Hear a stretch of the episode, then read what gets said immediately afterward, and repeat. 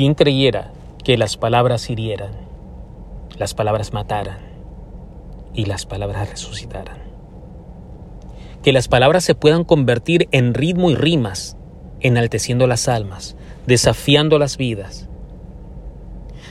Que hasta las miradas se le escapan las palabras. Palabras que ríen, palabras que lloran, palabras que olvidan, palabras que enamoran, palabras que edifican, palabras que odian, palabras que honran, palabras que amenazan, palabras que inundan esperanza.